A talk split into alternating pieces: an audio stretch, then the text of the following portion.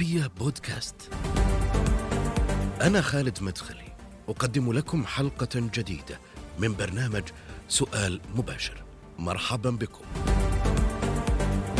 يتسع العمران في السعودية شرقا وغربا الرياض على سبيل المثال تضاعفت مساحتها خلال السنوات كل المدن الكبرى أيضا تنمو بشكل مضطرد ضيفة اليوم تلعب دورا بالغ الأهمية في ضبط إيقاع هذه الطفرة العمرانية لتصبح جزءا من رؤية أشمل تضع الهوية السعودية فوق كل اعتبار. الدكتور سمية سليمان الرئيس التنفيذي لهيئة فنون العمارة والتصميم في سؤال مباشر. حياك الله معي دكتورة سمية في سؤال مباشر. الله يحييك وشكرا للاستضافة. قبل أيام أعلنتوا آه، استراتيجية الهيئة هيئة فنون العمارة والتصميم. وهي مبنية على عدة برامج ومبادرات أنا ودي أسأل أولا عن إنشاء هذه الهيئة ليش؟ لأنه في هيئات كثيرة الآن موجودة في السعودية وكلها لها أهداف معينة لكن هيئة فنون العمارة والتصميم ليش أنشئت وش أهدافها؟ طيب آه، طبعا هيئة فنون العمارة والتصميم هي أحد الهيئات اللي أنشئت من ضمن حزمة من 11 هيئة آه، تحت مظلة وزارة الثقافة.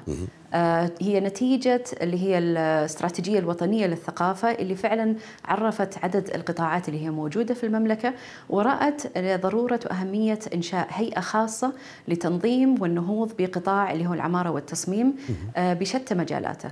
فالهيئة هذه تعنى بعدد كبير من المجالات ويمكن أبذكرها يعني باختصار علشان المشاهدين بعد أنه يكون عندهم أي. اطلاع آه، لما نتكلم عن العمارة والتصميم إحنا حاليا نتكلم عن ستة تخصصات فرعية م. أربعة منها آه، معتمدة على اللي هي البيئة المبنية فعندنا العمارة التصميم والتخطيط الحضري عمارة البيئة والتصميم الداخلي وينضم لها اللي هو التصميم الصناعي والتصميم الجرافيكي م. فإحنا ناخذها على مستوى المدينة إلى مستوى الرسالة اللي نتلقاها هي هي بطابع نظري فني ولا لها أدوار عملية؟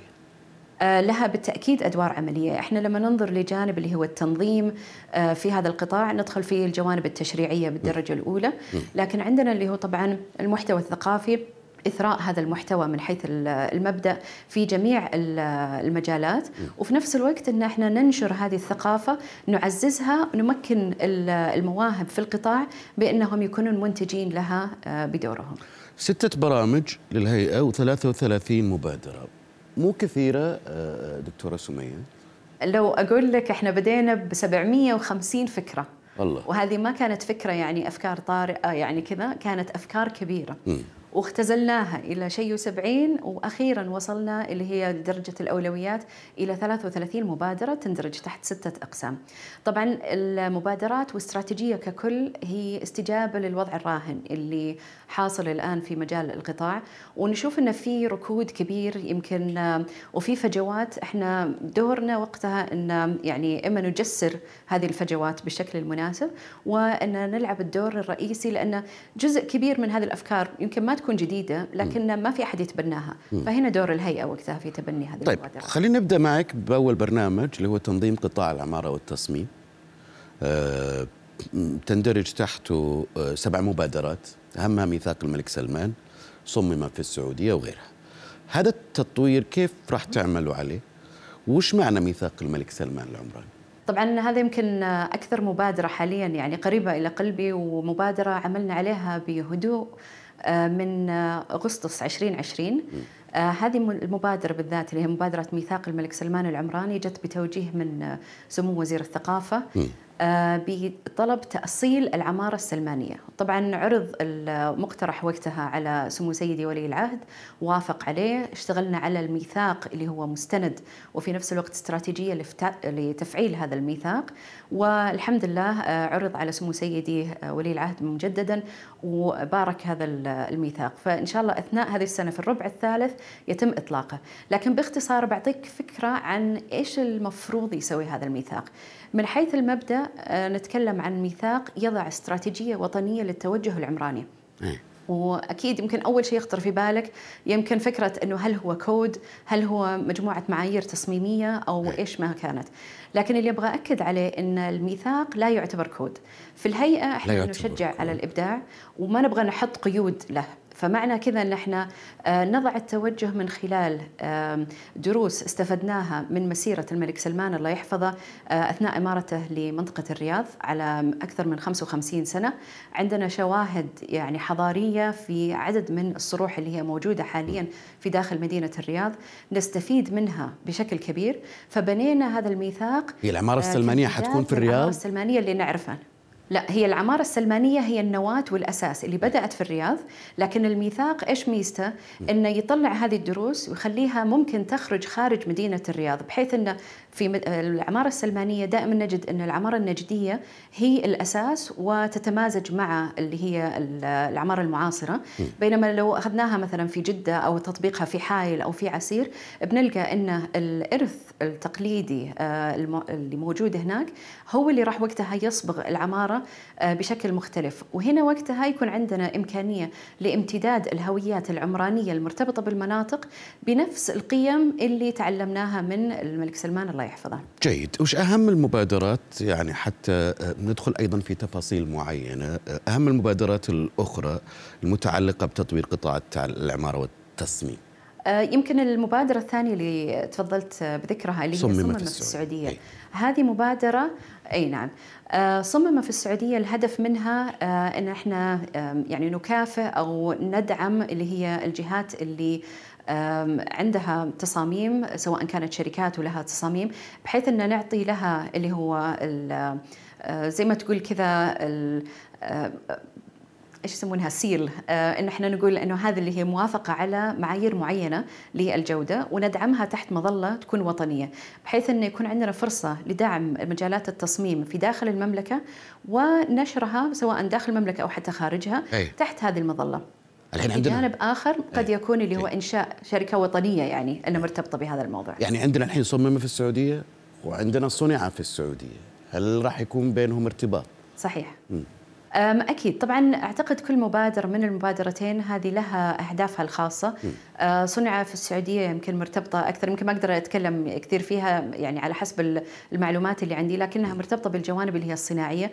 في صمم في السعودية إحنا ندخل في الجوانب التصميم. وجوانب التصميم أه، دائما يكون فيها العلاقة ما بين الإنسان أو المستهلك والمنتج نفسه سواء كان مثلا في طريقة استخدامه أو أه، تحسين جودة حياة أو المواد اللي هي المستخدمة. المستخدمة أو غيره. فبيكون في تداخل أكيد يعني أو خلينا نقول تعاون ما بين البرنامجين يعني. وهذه يمكن من الأمور اللي نبي نسعى فيها خلال الأسابيع القادمة. آه، لأن أعتقد الأهداف الوطنية كلها يعني موجودة ونبغى نتكامل ونتعاون في هذا الشأن. أنتم شعاركم في الاستراتيجية نجم الشمال؟ وش معناه؟ ليش؟ إحنا يعني قررنا ما ناخذ رؤية ورسالة بالطريقة التقليدية، لكن إحنا عندنا نجم الشمال اللي يقودنا. فنجم الشمال هنا وقتها يربط ما بين الرؤية مع الرسالة بشكل واضح جدا. علشان نعزز بالضبط إيش اللي إحنا قاعدين نحاول نسويه فمن جانب إحنا نعزز اللي هو دعم الجودة في مجال التصميم والعمارة. لكن من خلال إيش؟ عندنا اللي هو آه، تمكين المواهب الوطنية. آه، عندنا استنباطا من ثقافة البلد. وفي نفس الوقت إحنا نبغى إن الإستراتيجية هذه على مستوى داخل المملكة نتكلم فيها عن وضع تحسين لجودة الحياة. لكن على المستوى العالمي ننظر لجوانب آه، اللي هو أنه كيف نضع خريطة المملكة تبون الناس يتجهون شمال؟ آه، الخريطة العالمية للتصميم. هل هي مرتبطة بالاستراتيجية؟ لا نجم الشمال ما يتغير محله ودائما كل يشوفه. فإن شاء الله أنه رؤيتنا واضحة جدا. ما لها علاقة يعني. لأنه تعرفي أنه الناس خلال الفترة الماضية في مجال البناء وفي مجال يعني التحركات يعني السكنية وغيرها يتكلموا على إنه يبدو إن النية في توجيه الناس للشمال في الفترة القادمة. على أساس كذا أنا سألت هالسؤال. ولا ما له علاقة يعني ها؟ والله إيه، لا لا من هالناحية لا ما له طيب. علاقة. لكن يعتبر يمكن تحرك جديد من ناحية وضع استراتيجيات. جيد. أه بسال وش أهم البرامج الأخرى اللي تعتمدوا عليها تحسي إنها ممكن تغير من واقع آه، وهوية آه، الطراز المعماري في السعودية. طيب أنا باخذ الجانب اللي هو له علاقة يمكن بالطراز يمكن أو ارجعه لمبادرة الملك سلمان العمراني هنا وقتها نتوقع إنه بيكون في حراك إنه يغير شكل العمارة بحيث إن إحنا نخرج من العمارة اللي تسيطر عليها التطوير العقاري إلى عمارة أقرب يعني للإنسان ومقياسه وكذا. لكن في مجموعة مبادرات تحت برنامج اللي هو خاص بتنمية المواهب وال والتنمية المهنية. هذا اللي ودي يمكن أتكلم عنه أكثر. لأن هنا عندنا يعني عدد من المبادرات تحت برنامج كبير. نعم. يعني إحنا نتكلم عن مين هم معماريين المستقبل ومين هم مصممين المستقبل. فإحنا نبدأ ببرامجنا موجهه للأطفال بحيث إن هذه لما نتكلم مثلا عن العمارة، العمارة يعني شيء نعيشه لكن لابد أن نبدأ نتكلم عن المحاور شلون تصنعوا معماريو أو معماريي المستقبل ومصممي المستقبل؟ وش برامجكم يعني كنظرة أولى أي. أي هنا لو أخذنا كلمة التصميم، التصميم في الأساس هو حل المشكلات. أي. يعني حل المشكلات الأساسية لكن حل المشكلات يعتبر بعد مهارة حياتية. فإحنا عندنا عدد من البرامج توجه للأطفال مثلا في المدارس حتى من فترة الروضة. عندنا أكاديمية مثلا المعماري الصغير هي من ضمن البرامج اللي إحنا حاليا آه، نعمل على تقديمها من ضمن اللي هي مبادرة الملك سلمان العمرانية. آه، عندنا أثناء فترة المدرسة دائما الأطفال يكون عندهم شغف بالإبداع الرسم كيف نقدر نوجه هذه المواهب ونعرفهم إيش المهن اللي وراها. مثلا لو جيت قلت لك مثلا مهنة مصمم الجرافيك. أي. قليل اللي في المدرسة يمكن يعرف بالضبط إيش تعني. آه، فالتوعية في هذا الجانب جدا مهم. نفس الشيء قبل ما يدخلون الجامعة يعني عندنا برامج خاصة مثلا لطلبة الثانوية بحيث أن نبدأ نكتشف المواهب ونتأكد أن الطلبة الأنسب هم اللي يدخلون التخصصات لأن ما ودنا مثل ما يصير الحين اللي موضوع بعد سنة أو سنتين من دراسة الجامعة يجي يقول لك والله كأنها تخصص ما يصلح لي أي. كيف نقدر نمكنهم من هذه المعلومات أنهم يتخذون قرارات أنها تكون حكيمة جي.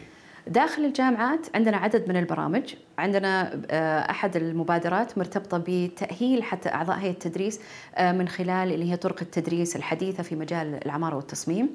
آه، عندنا بعد اللي هي برامج إثرائية للطلبة اللي هي كل ما هو خارج عن المناهج الحالية. أي.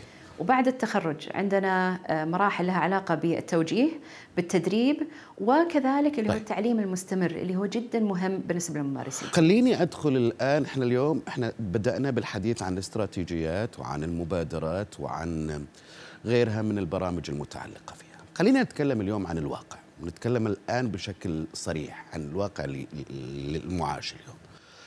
اليوم دكتورة إذا جينا إحنا آه، نتكلم عن المعمار وعن التصميم عندنا دول معينة لها طراز لها هويتها الخاصة. يعني على في في في العالم العربي مثلا في مثلا تونس الأبواب الزرقاء المباني البيضاء آه، في المناطق الساحلية تختلف آه، الطراز أو الهوية المعمارية عن غيرها من في الداخل. إيطاليا تشوف العجب العجاب يعني فيها من البندقية إلى فلورنسا إلى إلى جنوة إلى غيرها. النافورات في كل زاوية المباني اللي لها أساس. اللي حاصل عندنا في السعودية أمر أيضا عجب عجاب بس على شكل مختلف. في فوضى على مستوى اللون على مستوى الشكل ما في انسجام ما في توافق. آه شو اللي حصل؟ ليش تغير هذا الوضع؟ ليش إحنا اليوم نشوف مثلا في حائل نفس المباني الموجودة في الرياض في الحواري؟ نشوف مثلا في عسير مع أنها مناطق جبلية لها هويتها المعمارية الخاصة فيها المفروض. برضو نفس الشيء موجود في الحسا في غيرها. شو اللي حصل آه، في السعودية؟ أعتقد المشكلة اللي موجودة عندنا حاليا هي نتاج سلسلة كذا من القرارات اللي تم اتخاذها. سواء كانت على مستوى المعايير التخطيط ترك الأمر للجميع إن كل واحد مثلا يصمم بيته بدون ما يكون في ضوابط آه، أو حتى معايير فنية مثلا مرتبطة فيها. فهذا اللي ولدت عندنا العمارة اللي فعلا كل مدينة يعني تشبه الثانية. لكن كل الأمثلة اللي ذكرتها يعني هي تعتبر المدن أو خلينا نقول النواة التاريخية للمدن. وهنا في جزء كبير ومهم اللي هو في جانب المحافظة على هذه الطرز سواء كان من خلال اللي هو ترميمها أو أن وضع تشريعات أنها متعلقة بهذا المجال أو حتى أن في الأماكن اللي هي المحيطة فيها أن ما يكون عندنا هذا الانقطاع ما بين منطقة تاريخية محافظ عليها ومنطقة ممكن تكون عادية جدا آه، لأن هنا وقتها يكون عندنا هذا التضارب ما بين المكانين. المشكلة تتعدى أعتقد موضوع التصميم واللي نشوفه حاليا في مدننا في الغالب يعني لا يرتقي لطموحاتنا أبدا آه، لكن في حراك كبير يعني على مستوى يمكن عدد من الجهات اللي كلها أصحاب مصلحة علاقة سواء تشريعي تنفيذي في البيئة المبنية وهذول اللي جهودهم جميعا لازم تتكامل علشان إنه فعلا نقدر نغير شيء خلينا لكن في المقابل جي. بعد يبغى لنا نكون واقعيين على أي. موضوع إنه لما نتكلم عن اللي موجود الآن أي. صعب جدا إنك تغيره وإنك أه. يعني توصل لتأثير اي يتماشى مع اللي إحنا ودنا صعب جدا تغييره لدرجه إنه يكون مستحيل مثلا ولا شلون؟ آه لأن لا آه، مو مستحيل لكن يحتاج جهود إضافية. لما تبني على أرض مثلا فضاء غير لما تأخذ مبنى مثلا وترمم. وهنا الحين لما تتكلم عن ملكيات خاصة متعددة بالآلاف ومئات الآلاف مثلا في المدينة الواحدة معناه كذا أن مثلا فرض أكواد بناء ممكن يكون فيه نوع من المقاومة وبيكون يتطلب يعني أجهزة خاصة في مجال اللي هو المراقبة والتأكيد عليها. فلا بد أنها تدخل يعني فيها جوانب متعددة. أي. يمكن ما نقدر نبسطها ونسطحها يعني. طيب المؤلف جيفري كينج أكيد تعرفينه كتب كتاب العمارة التقليدية في أيوه. السعودية أو السعودية وهو كمان أخذ له لفة على دول الخليج يعني مهتم في في العمارة والتصميم. آه، يقول أنه المملكة العربية السعودية تتمتع بأنواع عديدة ومتنوعة من أنماط وأشكال مختلفة من العمارة على نحو يفوق أي بلد آخر في شبه الجزيرة العربية. لكن يضع فترة مفصلية في عملية التحول. يقول أنه عقدي السبعينات والثمانينات شهد خسارة كبرى في الفن المعماري في السعودية وأنه الهندسة المعمارية السعودية القديمة تلاشت بسبب مجتمعات لم تشهد سوى القليل من التغيير حتى منتصف القرن العشرين. بأسباب التحفظ الاجتماعي وغياب الابتكار التقني على مدى قرون آه، طويلة لو أبغى أفسر هذا الموضوع من وجهة نظرك أنت خبيرة وأيضا كنت عميدة لكلية التصميم وش معناها؟ وش معنى التحفظ الاجتماعي وغياب الابتكار طيب. التقني؟ أيوه طبعا أنا أتفق تماما مع آه، جميع ما ذكر إحنا يمكن في جزئية محددة لازم نتكلم عنها اللي هو موضوع تلاشي الهويات العمرانية المناطقية في المملكة في السبعينات والثمانينات. لكن بعد في نفس الوقت لازم ننظر لها يعني بطريقة عادلة. يعني لو أخذنا مثلا مدينة الرياض. مدينة الرياض في داخل أسوارها كانت كيلو متر واحد مربع الظاهر أن في التسعينات أنا ما تحضرني الأرقام الحين وصلنا أن حدودها كانت تفوق الألف كيلو متر مربع فلما نتكلم عن حتى لو أني أنا حافظت على واحد يعني كيلو متر من أصل هذه الألف يعتبر نقطة في بحر. يعني كل ما يستجد خارج عن هذه المنظومة في الحالة هذه يعني كأني أنا طمست وخليت إنه يكون في نوع من السيطرة من الجديد على اللي هو القديم. فمن هالناحية لازم ناخذ الموضوع إنه بشكل يعني عادل، طبعا في السبعينات والثمانينات كان عندنا آه، الطفرة آه، يعني في البترول في الاقتصاد اللي أي. كانت آه، أساس خطط التنمية وفي نفس الوقت اللي هي الثراء يعني عند عدد كبير من الطبقة الوسطى اللي وصلوا لمرحلة اللي هو البناء اي بدل بس بدل ما يستفاد من هذه الطفرة بشكل أي. إيجابي في البناء والتصميم صار اللي حصل عكسي فاليوم كيف راح يتغير صحيح. الوضع؟ لأنه ما كان في البلديات الأمانات أيوة. كيف كانت تتعامل مع الوضع واليوم كيف راح يتغير الموضوع؟ آه، طبعا الجوانب المتعلقة بال آه، مثل وزارة الشؤون البلدية والقروية والإسكان هذه يمكن أنا ما أقدر يعني أتكلم فيها لأنه عندهم خطط يعني أكيد خاصة فيها. آه، لكن من ناحية يعني فنون العمارة والتصميم عندنا جانب مهم اللي هو يدخل فيه الجانب اللي هو الاستشاري. مع حتى عدد كبير من الجهات اللي هي الحكومية. طيب. آه تقريبا بشكل يومي إحنا نتكلم عن عقارات سواء كانت عقارات الدولة أو مشاريع كبرى أو غيرها إنه كيف إحنا ممكن نوجه هذا الشيء واللي بيصير من مبادره ميثاق الملك سلمان جي. العمراني كل شوي أذكرها آه إنه بيكون لها تأثير. أنا الحين ببني بيت حتى نفهم ليش اللي جالس يحصل. في الرياض أو في غيره من المناطق. أو يعني خليني أقول أنا ببني بيت في الرياض وببني بيت في عسير وببني بيت هنا. وش اللي بيحصل الآن لو أبغى أبني بيت وفق الاستراتيجية وفق الخطط والبرامج والميثاق؟ وعندنا كمان شيء اسمه كود البناء السعودي. يعني كيف حيكون هذا البيت؟ أيوه. آه طبعا بناء البيت راح يكون في أرض موجودة في مخطط لها قيودها من البداية. أي. من ناحية اشتراطات يعني مثلا في الارتفاعات والجوانب المتعلقة فيها. وكذلك عندنا اللي هو كود البناء اللي فيه عدد كبير من الاشتراطات الفنية اللي هي مرتبطة فيها. لكن لما ندخل على الجوانب اللي هي الشكلية الثقافية آه، قليل ما يكون في عندنا آه، قيود إلا إذا كانت المنطقة هذه آه، يطبق عليها كود بناء. في حال أن تم تطبيق كود بناء معناها أنه في معايير واضحة جدا إيش الشيء اللي تقدر تسويه واللي ما تقدر تسويه. يعني التغيير اللي حيحصل حيحصل في الأحياء الجديدة في المخططات الجديدة. حيكون لها نظام معين شكل معين هوية معينة؟ هذا أسهل أكيد. لكن هذا لا يمنع إنه يكون في الأحياء القائمة إنه يكون في تطبيق للأكواد. وهذا يعني موجود في بعض الأماكن أو خلينا نقول خطة ممكن إنها تكون موجودة يعني آه، على المدى الطويل. في بعض المدن بالذات لما تكون يعني أحياء مهمة قريبة من مثلا معالم ويعني آه، تعتبر واجهة المدينة. حلو استراتيجية المربع. يمكن نضرب مثال على هذا الموضوع. إنه في معمار قائم من عشرات السنين ومتعدد ومتضارب أيضا وفي أيضا جزء قديم منه بعيد حتى عن عن الشكل الجمالي لهذه لهذه المنطقة. كيف حتتعاملوا معه؟ قصدك الاستراتيجية ولا منطقة المربع؟ منطقة المربع بس أنتم حطيتوا حطيتوا استراتيجية اللي هي استراتيجية المربع. وهي منطقة معروفة تاريخيا صحيح. بس فيها تداخل يعني. صحيح. أي. فعلا. الحين المربع أول شيء يمكن لو بذكر نقطة على موضوع المسمى حق استراتيجية المربع. أي. إحنا لما حطيناه آه، حطينا المسمى علشان آه، قصر المربع. لما أمر ببنائه الملك عبد العزيز الله يرحمه كان نقلة نوعية لكن باستخدام اللي هي العمارة النجدية. فهذه النقلة النوعية كانت أنها يعني حتى المؤرخين يكتبون يقول لك أن العمارة النجدية وصلت لأوجها في بناء قصر المربع. فهذا الحين لما نتكلم عن هذه النهضة نتكلم عنها بهذا الطموح. نربطه بتراث الماضي لكنه آه، نسعى إلى النهضة.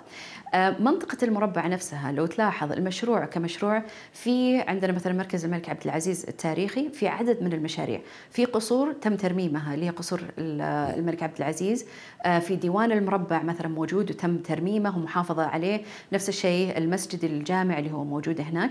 لكن لو تلاحظ في مبنيين مهمة. عندك مثلا المتحف الوطني من جانب ودارة الملك عبد العزيز من جانب آخر. هنا نبدأ نشوف أنه امتداد للعمارة اللي هي النجدية المحلية لكن بطابع معاصر. فالعمارة النجدية فيها قابلية اللي هو التجديد من خلال المفردات والعناصر طيب بالنسبة للمناطق الأخرى غير الرياض عسير وش بيحصل فيها؟ الشمال وبتحصل في الجوف حايل الشرقية الحسا الدمام. هل في كمان هوية خاصة راح تصنع لهذه المناطق لهذه المدن بشكل مختلف عن غيرها؟ طبعا لازم يمكن نتكلم عن كل منطقة من ناحية المنظومة الإدارية اللي موجودة فيها. دائما عندنا أمارة المنطقة عندنا هيئة تطوير المنطقة عندنا أمانة المنطقة والبلديات الفرعية وعندنا هذول اللي هم كل الجهات التنفيذية اللي لها يعني فعلا يد في الموضوع وإنها يعني تقابل المشاريع بشكل يعني آه، مباشر. هيئة فنون العمارة والتصميم في الحالة هذه تدخل كجهة استشارية لدعم هذه المشاريع بالشكل اللي هو الأمثل أنه متى ما استدعت الحاجة. آه، طبعا من خلال عدد من البرامج إحنا بنحاول أن اللمسة هذه تكون سلسة بحيث أنها تندمج يعني مع الخطط اللي هي موجودة. ما يكون فيها تعطيل لأي مثلا توقعات لكن يكون فيها نوع من التوجيه. يعني أقدر أحلم مثلا أو أفكر إنه مثلا والله مثلا في منطقة معينة مثلا في في في في الحسا أو في غيرها من. راح تكون ألوان البيوت منسجمة متوافقة حتى على مستوى مواد البناء لها ارتباط بهوية هذه المنطقة. نفس الموضوع ينطبق على الشمال ينطبق على الجنوب عن غيرها. أقدر أتخيل هذا الموضوع ولا صعب. لا تقدر تتخيل وإن شاء الله يكون واقع. طبعا يمكن لازم أوضح إن هذا لا يعتبر من دور هيئة فنون العمارة والتصميم أي. إلا في جوانب التوجيه ولكن حاليا من خلال اطلاعي على عدد من المشاريع في مناطق مختلفة هذا الشيء يعني إن شاء الله تشوفه قريبا واقع. متى ممكن يصير هالشيء؟ هذا يعتمد على الجهات التنفيذية في كل منطقة، لكن الآن في نظرة شمولية على المناطق من ناحية لما نتكلم على مراكز المدن المختلفة، مراكز المدن دائما يعني فيها جانب حيوي مهم آه، يجمع ما بين اللي هو الترفيه يجمع ما بين آه، الجوانب التجارية السكن وغيره. هذه المناطق اللي هي المركزية هي قلب المدن. وتلقى بعض المدن يمكن مدينة الرياض من ضمنها فيها أكثر من قلب. فهذا الشيء حاليا كخطط موجودة وأنا متأكدة إن هيئة تطوير المناطق عندها أمور كثيرة يمكن ما بعد أفصحت عنها لكنها قادمة. قلتي في آه، واحد من أحاديثك بان المصممين دور للمصممين دور مجتمعي مهم من خلال عملهم على تحسين حياة من حولهم وابتكار الحلول في آه، المساحات. دكتورة أنت شغلتي منصب عميد كلية التصاميم في جامعة الإمام عبد الرحمن بن فيصل. لو سألت إنه هل يعني هل التوقف اللي حصل الخلل اللي حصل في مسألة تطوير البناء والعمارة السعودية مع وجود أقسام للعمارة والتصميم في جامعات المملكة وش كان دور هذا المصممين أو المتخرجين؟ وكيف كانوا يتعاملوا مع الواقع؟ وهل كانوا محبطين؟ أنت على سبيل المثال دكتور. أعتقد إنه أيوه. أعتقد يعني من حياتي الأكاديمية السابقة أقدر أقول إن الجامعات كانت بعيدة يعني أكثر من اللازم عن المشهد العمراني. نشوف إن في حراك موجود يمكن لأشخاص وليس على مستوى مؤسسي. وهذا جزء كبير منه يرجع لمثلا منع أعضاء التدريس من ممارسة المهنة. فنلقى الفجوة ما بين التعليم وما بين الممارسة. آه، عندنا مثلا نفس الشيء الجوانب هذه اللي ما زلنا نضطر إن نعمل فيها في انعزال تام في المستوى الأكاديمي واحتمال إن هذا يرجع جزء منه للهموم الأكاديمية الموجودة اللي هي والله السعي مثلا خلف اللي هو الاعتماد الأكاديمي آه، تصنيف الجامعات البحث العلمي والترقيات. لكن لما طلعت من الجامعة يعني شفت إن العالم مختلف تماما آه، في مجال اللي هو المشاريع الآن وأعتقد إن هذه الفجوة هي جزء أساسي إحنا نعمل عليه. يعني مثلا بعطيك مثال. إحنا عندنا عدد من المبادرات يهمنا جدا فيها تنمية القدرات من ناحية لكن جزء أساسي ومهم إشراك المجتمع اللي هو موجود. أنا ما يهمني أجيب شركة مثلا علشان ننتج اللي هي طيب. موسوعة العمارة والتصميم. أنا يهمني أشرك الناس ومن داخل اللي هي المؤسسات الأكاديمية إنهم يكونوا جزء أساسي في صنع هذا المحتوى إنهم يمتلكونه يطورونه بشكل مستمر بحيث إن المنتجات اللي تخرج من داخل اللي هي الهيئة ما تكون منتج منتجات تنتهي حياتها بانتهاء المشروع لكنها تكون مستمرة بجميع الأطراف اللي كان لهم علاقة. أشكرك شكر جزيل على تواجدك معي في آه، هذه النصف ساعة. آه، شكرا لك ودعواتي وتمنياتي لكم بالتوفيق. الدكتورة سمية سليمان الرئيس التنفيذي لهيئة فنون العمارة والتصميم في وزارة الثقافة. كانت معي في سؤال مباشر. تابعونا دائما على مواقع التواصل الاجتماعي.